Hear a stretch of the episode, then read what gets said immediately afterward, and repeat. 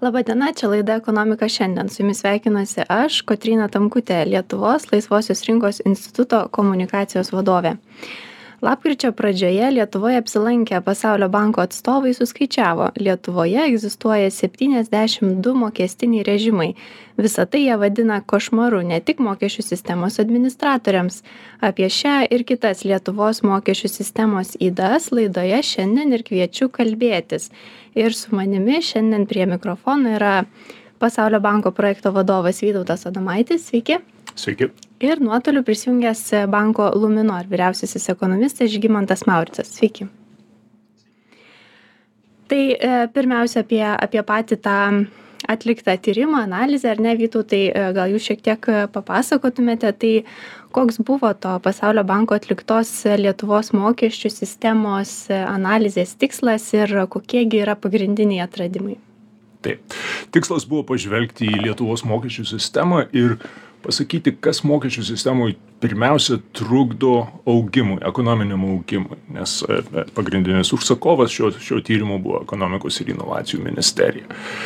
E, ieškodami e, kliūčių augimui, Pasaulio banko ekonomistai apžvelgė tiek e, gyventojų pajamų mokesčio, tiek pelno mokesčio sistemą Lietuvoje ir atrado, kad na, ne tik, kad pelno mokesčio lengvatos ir gpm išlygos kurias jūs paminėjot riboja įmonių ir savarankiškai dirbančių augimą bet taip pat kad tai yra labai neteisinga sistema. Neteisinga sistema ta prasme kad jinai panašias pajamas gaunančius žmones apmokestina labai skirtingai tai yra tas vadinamas horizontalaus e, neteisingumo horizontalaus teisingumo nebuvimas. Pagal horizontalaus teisingumo principą visos pajamos bendrai paėmus, jeigu jūs gaunat tūkstantį eurų e, ir aš gaunu tūkstantį eurų, tai mes turėtume mokėti panašaus dydžio mokesčius, o ne skirtingus. Tai dabar suprantu, kad taip nėra, ar ne, yra šiek tiek kitaip. E, suprantu, tai e, spaudoje ar ne šiek tiek buvo pranešimų, kad e, vis dėlto tą mūsų mokesčių sistemos e, sistemą analizavęs pasaulio bankas e, pabrėžė jūs kaip ir minėjot vytautai tokias e, ydas kaip pajamų nelygybė taip pat milžinišką pridėtinės vertės mokesčio atotrūkį pastebėta problemų ir nagrinėjant mokesčių surinkimo ir, ir BVP santykį. Tai, Žygimantai, jūs noriu šiek tiek pa, pakalbinti, kaip jūs, kaip jūs vertinate tokius uh, tokius pastebėjimus e, ir apskritai e, pasaulio banko rekomendacijas Lietuvai?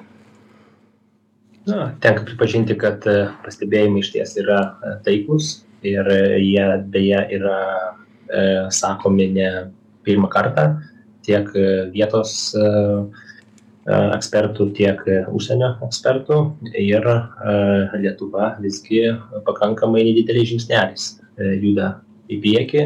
Siekdama e, to padidinti horizontalų teisingumą, e, kuris iš tiesų e, turi daug neigiamų šalutinių poveikių, tai yra sukelia tam tikrą neteisingumo jausmą visuomenė, šešėlinė, šešėlinė ekonomika skatina.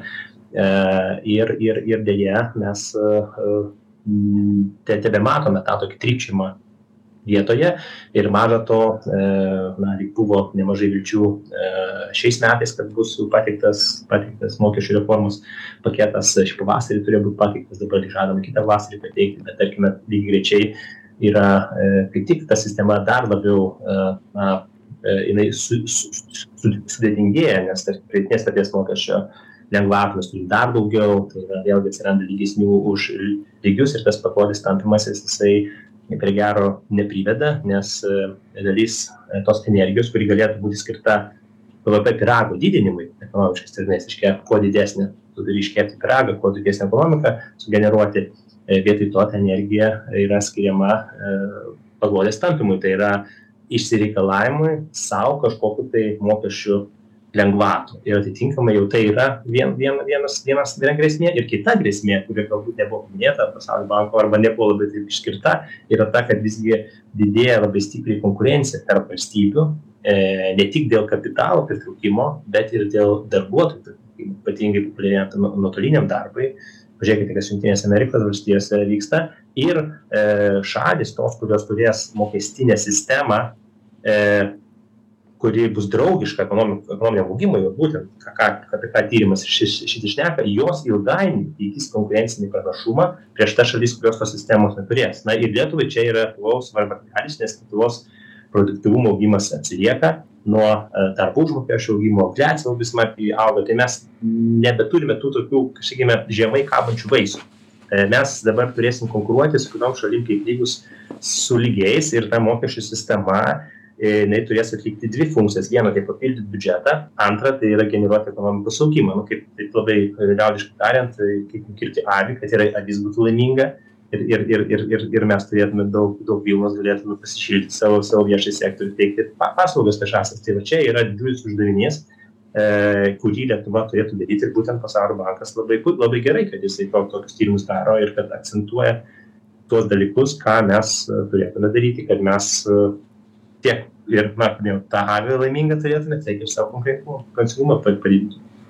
E, Vytautai, e, Pasaulio bankas e, siūlo įrankį, ar ne, kuris leistų atlikti tam tikrus modeliavimus, kaip mokestiniai visokie pakeitimai galėtų veikti ir mokesčių surinkimą, ir šalies ekonomiką, ir matyti tą konkurencingu, konkurencingumą didinti. Tai kaip tas įrankis atrodo ir ką jisai leidžia padaryti apie mūsų mokesčių sistemą? Na taip, e, tai tas įrankis yra skirtas tam, kad galėtume modeliuoti e, GPM, tai gyventojų pajamų mokesčių ir pelno mokesčio pakeitimus. Ir e, ką mes galėtume matyti, modeliuodami tuos pakeitimus, tai galėtume matyti, kiek vienas ar kitas pakeitimas pakeistų E, biudžeto surinkimą, tai yra ar daugiau mokesčių surinktume, ar mažiau mokesčių surinktume, taip pat matytume, kokia mokestinė našta, efektyvi mokestinė našta tenka skirtingas pajamas gaunantiems žmonėms. Nuo pačių mažiausias, pačių mažiausias, pačias mažiausias pajamas gaunančių iki pačias aukščiausias, tai visas, visas pajamų spektras ir tie du dalykai jau savaime yra svarbūs.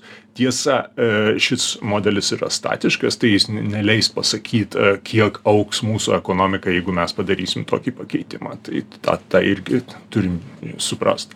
Bet e, čia labai svarbus dalykas yra tas kad šie šie įrankiai mikrosimuliacijos įrankiai jie taps prieinami visoms lietuvos institucijoms. Jie bus e, e, statistikos departamente kur e, lietuvos institucijos ir kiti tarkime tyrėjai ekonomistai galės ateit ar užsakyt tą paslaugą iš statistikos departamento ir sumodeliuot įvairius parametrus ir tokiu būdu mes galėsime turėt labiau informuotą platesnę diskusiją ir ir labiau objektyviai palyginamą diskusiją kur kur įvairias alternatyvas galėsime lyginti tarpusavyje.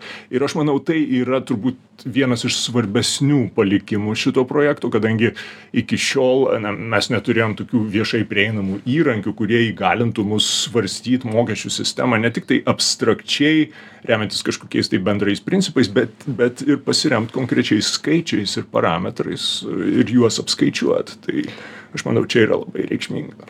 E, mokesčių sistemos e, tie padariniai ar ne rezultatai e, labai priklauso nuo to kaip žmonės įvairūs subjektai elgiasi toje toje toje mokesčių sistemoje. Kiek į šį modelį įtrauktas tas žmonių elgesio motyvas ir ir kaip jisai tada keičia tą modelį Na tarkime, kai kalbam apie augimui palankę mokesčių sistemą, tai e, jeigu pasižiūrėsim į pelno apmokestinimą Lietuvoje. Lietuvoje egzistuoja lengvatinis pelno mokesčio tarifas įmonėms, kurios e, generuoja iki 300 tūkstančių eurų apyvartos ir darbina iki 10 žmonių, e, taikomas 5 procentų pelno mokesčio tarifas, o perlipus tą ribą taikomas 15 procentų pelno mokesčio tarifas. Dabar kokią paskatą, atrodo, atrodo labai gerai, ar ne, remiamos smulkesnės įmonės, ar ne, kad jos turėtų daugiau lėšų, jos sumoka mažiau mokesčių, mokesčių tai ta tikimės kad jos daugiau investuos. Pasirodo dažnai yra visiškai priešingai. E, ši paskata kuri sukurta smulkioms įmonėms ji skatina įmones likt smulkiom. Ką tas reiškia? Tas reiškia kad jeigu įmonė neauga kaip taisyklė smulkios įmonės yra labai nenašios įmonės kadangi jos neturi e, tai tos tos vadinamos skalės ekonomijos ar ne jos net ne neišvysto darbo pasidalinimo tarp darbuotojų jos e, kaip taisyklė turi mažiau kapitalo tam kad efektyviau dirbt tai jų našumas yra labai menkas.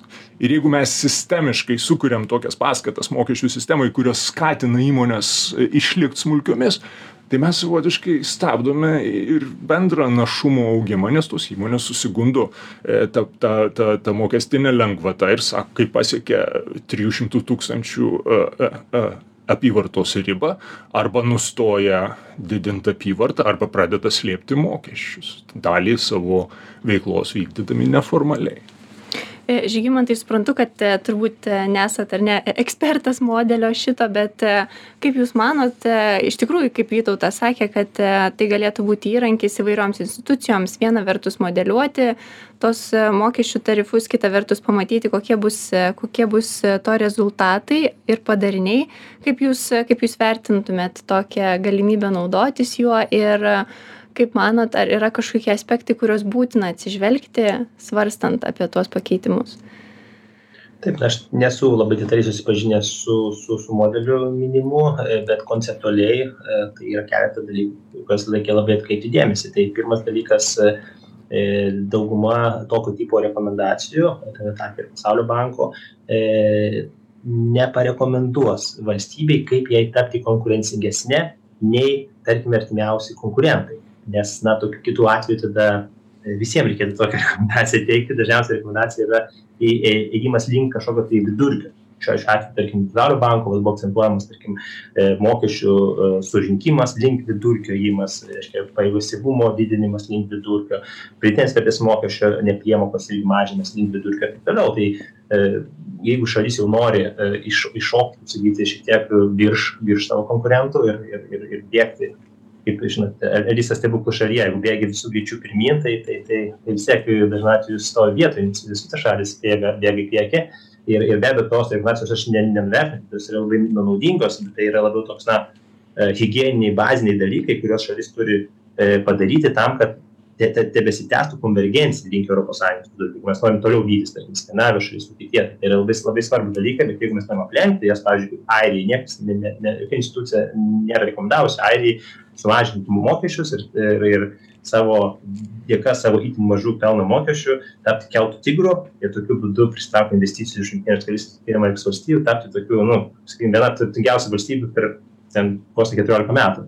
Jie jie jie tą pasiekė. Tai tai čia yra vienas dalykas ką ką lietuva dar turėtų papildomai pasižiūrėti. Tai čia yra čia yra baziniai dalykai kuriuos mes turėtume padaryti. Nu kitas dalykas aišku apie modelius kalbant tai niekada nereikia įsidėti savo modelių nes e, aplinka yra dinamiška ir ir modeliai dažniausiai naudoja praeities duomenis. Nu, čia būna reiškia vis tiek duomenys nu dažniausiai yra praeities ateities mes dažniausiai nežinome bet mes kaip minėjau minėjau įžvelgiame tam tikras tendencijas todėl tarkim jeigu mes kalbam apie gyventojų mokestį aš manau kad tai bus kit kit kitas mūšio laukas tarp valstybių. Jau dabar matome daug daug daugely valstybių kurios taiko įvairias e, lengvatas siekdamos prisitraukt tuos skaitmeninius klajoklius. Reiškia sako žiūrėk tu vis tiek dirbi nuotoliu ateik dirbt pas mus mes tau e, sumažinsim mokestinę naštą. Tai va tos šalys kurios pirmos įšoks į tą traukinį manau kad jos e, aišku tai yra blogai visoms šalims bendrai nes ta konkurencija tarp šalių jinai bendrą mokesčių naštą sumažins su surenkamų bet tos šalys kurios deja nedalyvaus toj konkurencinėj kovoj jos gali netekti labai daug tų žmonių. Reiškia iš išvyks iš tų šalių. Tai va čia yra tas tas didžiulis iššūkis lietuvai apie kurį taip pat reikėtų galvoti. Ir vat jungtinėse amerikos valstijose jau ateina dažniausiai iš ten tos tendencijos jau labai didžiulė migracija tarp valstijų atskirų. Ir gyventojai juda iš e, tų valstijų kurios yra dideli mokesčiai pajamų į tas valstijas kurios yra mažesni. Nes jiems di didžiąja dalimi jokio skirtumo nėra. Nu jeigu tvitery nedirbi ko liepia dabar visiem jiems skirtis negu dirbi kitose e, įmonėse daugeliui kur leidžia dirbt nuotoliniu būdu tai realiai renkiesi valstiją kurioje mažesni mokesčiai tiesiog tai e, jūs žygimantai komentuodamas ar ne šiek tiek e, pasaulio banko rekomendacijas e, užsiminėte kad vis dėlto lietuvai nebeužtenka turėti tiktai gerą konkurencingą skaidrią ir teisingą mokesčių sistemą. Jinai turi būti ir geriausia ir teisingiausia ir konkurencingiausia. Tai kokias svarbiausias to dedamąsias matytumėt? Tai visų pirma padaryti tuos higieninius darbus namų darbus kuriuos pasaulio bankas akcentuoja pirmoje pristatymo dalyje, tai yra didinti horizontalų teisingumą, mažinti įvairias, įvairių paskatų skaičių, ypatingai tų, kurios e, iškraipo paskatas. Tai yra, matome, kad tos įmonės, tarkim, ne, nebenori aukti, jos vietoj to e, siekia, kad jų pajamos būtų tam tikro lygio, tai tai tai čia yra ta ta ta sakykime pirmoji dalis ir antroji dalis ką mes turime daryti tai buvo rekomendacijos ir bus pateikti skirtingi modeliai latvijos portugalijos kitų šalių portugalijos buvo pateiktas kaip vienas iš tokių svarstytinų lietuvai čia reikėtų visgi jau pagalvoti kuriuo keliu mes norime eiti ir apskritai kokią mes struktūrą norime mokesčių turėti kiek mes norim surinkti iš gyventojų pajamų mokesčio pelno vartojimo turto e, e, aplinkosaugos mokesčių ir kurie mokesčiai bus ateityje e, mažiau draugiški ekonomikos augimui, labiau draugiški ir būtent e, didinti tuos mokesčius, kurie draugiškesni ekonomikos augimui ir mažinti, kurie netokie draugiški. Taip, e, Vytautai, sodros, kaip suprantu, įmokos šiuo metu nėra įtrauktos į tą modelį siūlomą Pasaulio banko. Ar yra planų, norų tai padaryti, ar e, kokia yra priežastis to? Nes tai tam tikrą prasme irgi veikia gyventojų elgesį. Tai pirminė, pirminis planas buvo įtraukti sodros įmokas, bet kai Pasaulio banko ekonomistai pamatė, kokio sudėtingumo yra gyventojų pajamų mokesčio sistema, tai jie suprato, kad sumodeliuoti tokį tą sistemą įtraukiant į ją dar ir sodrą būtų be galo sudėtinga ir pati sistema pats modeliavimas prarastų savo tikslumą. Dabar šis modelis aš noriu atkreipt dėmesį yra labai tikslus su nulis kablelis keturių procento paklaida tiktai kai leidžiama paklaida yra apie du procentai. Tai modelis yra labai tikslus ir ir šito sodros modeliavimo šiam šioje projekto apimtyje buvo atsisakyta vien dėl to kad mokė gy gyventojų pajamų mokesčių sistema tokia sudėtinga nuo ko jūs ir pradėjote šį pokalbį. Bet e, egzistuoja kitas sąjungos finansuotas projektas kurį įgyvendina finansų ministerija kartu su socialinės apsaugos ir darbo e, ministerija. E, jis vadinasi euromodo modelis. Tiesa jis kol kas dar neveikia administracinių duomenų pagrindu tai yra faktinių gyventojų pajamų deklaracijų pagrindu bet veiks ateityje ir sodros įmokos taip pat į į į šį modelį bus įtrauktos ir tuomet galimai galima bus integruoti sodros įmokų dalį ir gpm dalį kad matyt bendrą vaizdą. Aš visiškai sutinku kad reikia matyt ir sodros įmokas nes jos dar labiau iškraipo tą esamą sistemą Žygimantai, paskutinis klausimas. Jūs pats užsiminėt apie mokestinių lengvatų peržiūros darbo grupę ir tikėtina šis klausimas e, dėl mokesčių sistemos peržiūros, e, kaip sako vyriausybės atstovai, grįž pavasarį į darbo atvarkę.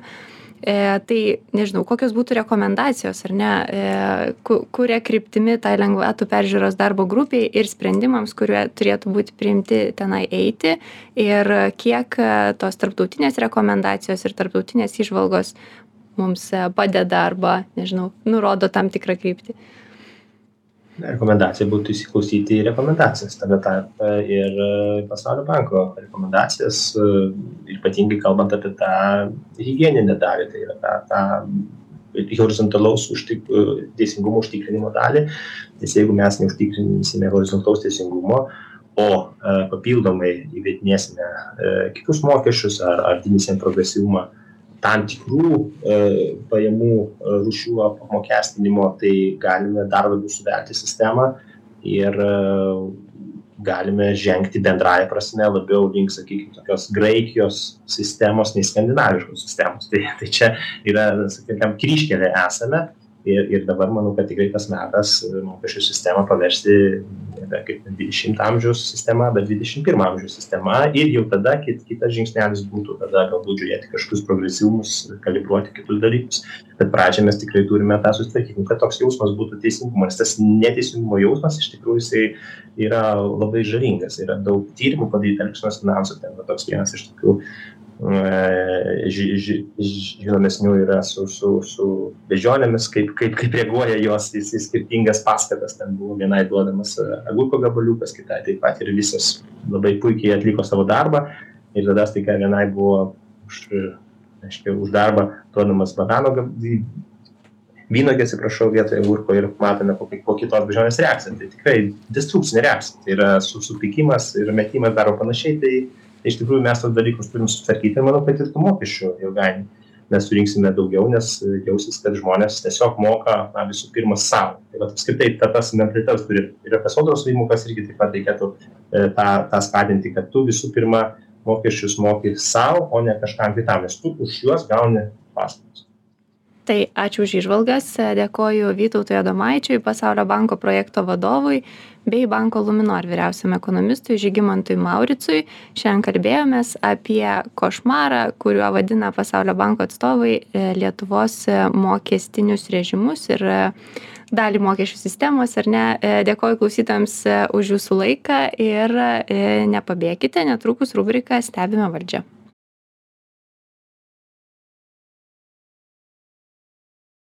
Sveiki sugrįžę, čia rubrika Stebime valdžią, kurioje apžvelgsiu naujausius ir aktualiausius valdžios pasiūlymus bei sprendimus.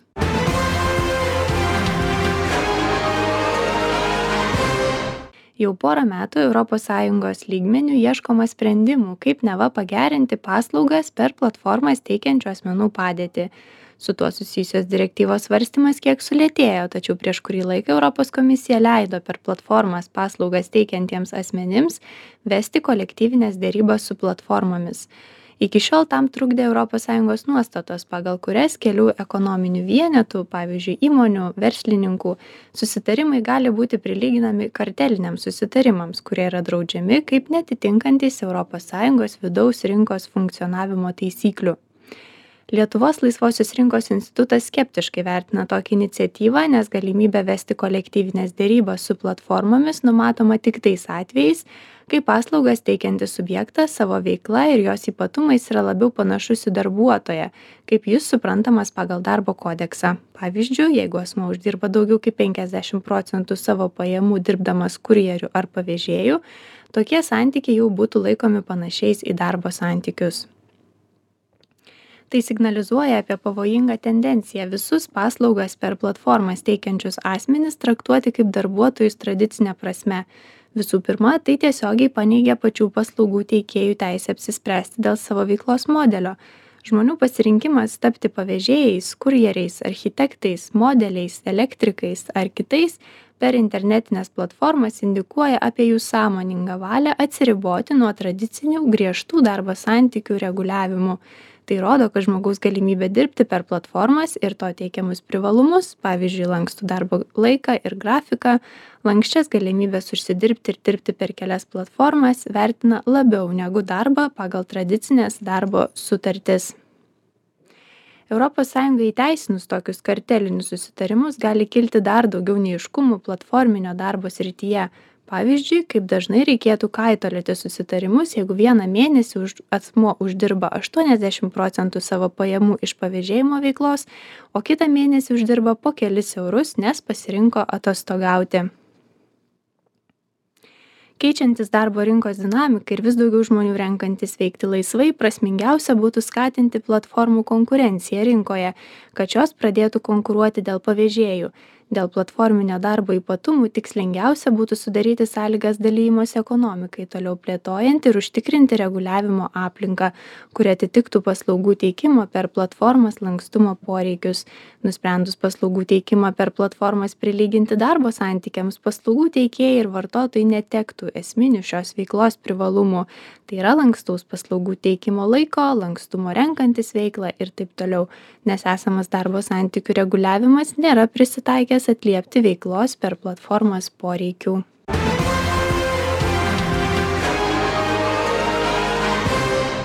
Spalio mėnesį buvo galutinai priimta ES direktyva dėl minimalios mėnesio algos nustatymo kriterijų. Vienas esminių pakeitimų tai darbo našumo kriterijaus įtraukimas sprendžiant dėl minimalios mėnesio algos dydžio.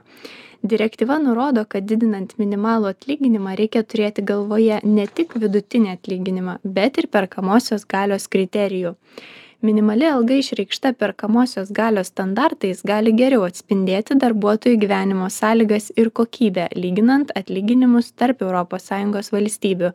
Minimalus atlyginimas taip pat turi atspindėti produktyvumą.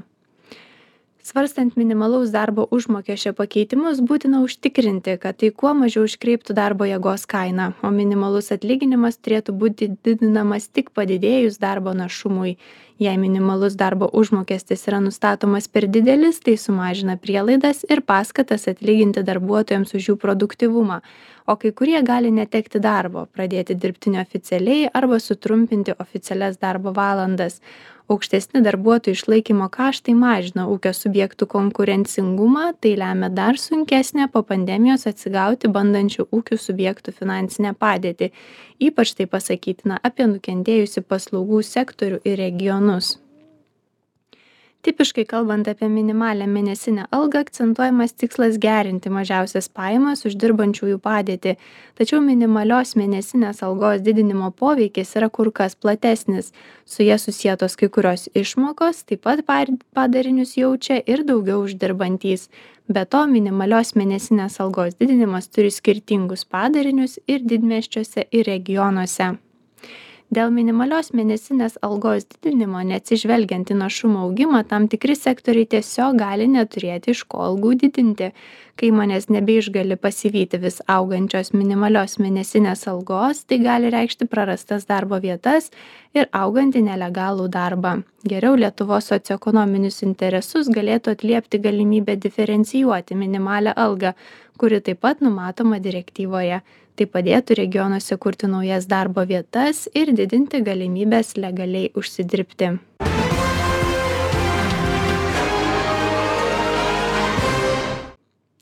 Čia buvo rubrika stebime valdžią. Dėkoju už dėmesį ir iki kitų susitikimų